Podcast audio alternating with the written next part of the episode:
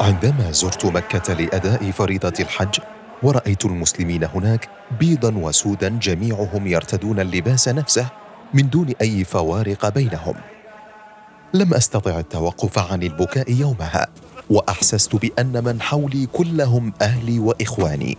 ذلك الموقف زاد من تصميمي على الدعوة لأرشد الناس إلى هذا الدين العظيم وأشاركهم هذه المتعة الروحية ولأنقذ بقية إخواني من هول القيامة ونار الجحيم.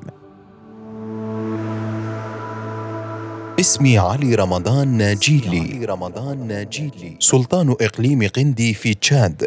وما ذكرته حدث بعد مرور سنوات على دخولي الإسلام. وإليكم قصتي. من بدايتها أرويها لكم في بودكاست أروان. في بودكاست أروان. من أصول. من أصول.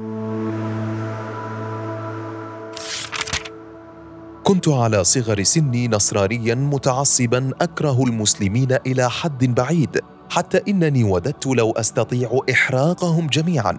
لكن الحال تبدل عندما وفد إلينا شيخ نيجيري يعمل بالدعوة إلى الله وإلى دين الإسلام عام 1977 فأظهر لنا الإسلام الصحيح واستطاع بعد شهور إقناعنا باعتناق الإسلام بأسلوبه وقوة حجته.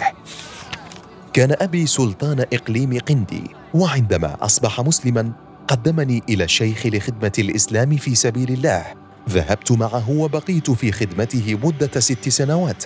درست فيها الإسلام ثم تخرجت من خدمته داعية ثم عدت إلى بلدي لأتابع الدعوة هناك. خلفت والدي في السلطنة بعد وفاته وأسفر الدعوة على مدى عامين عن إسلام أربعة آلاف وسبعمائة واثنين وعشرين شخصاً. بينهم أربعة عشر قسيسا نصرانيا. هذا النجاح الدعوي استفز المنظمات التنصيرية في جنوب تشاد فحاولوا تدمير الدعوة الإسلامية وجربوا إغرائي بالمال فرفضت وحاولوا إثارة الفتن لكن جهودهم باءت بالفشل.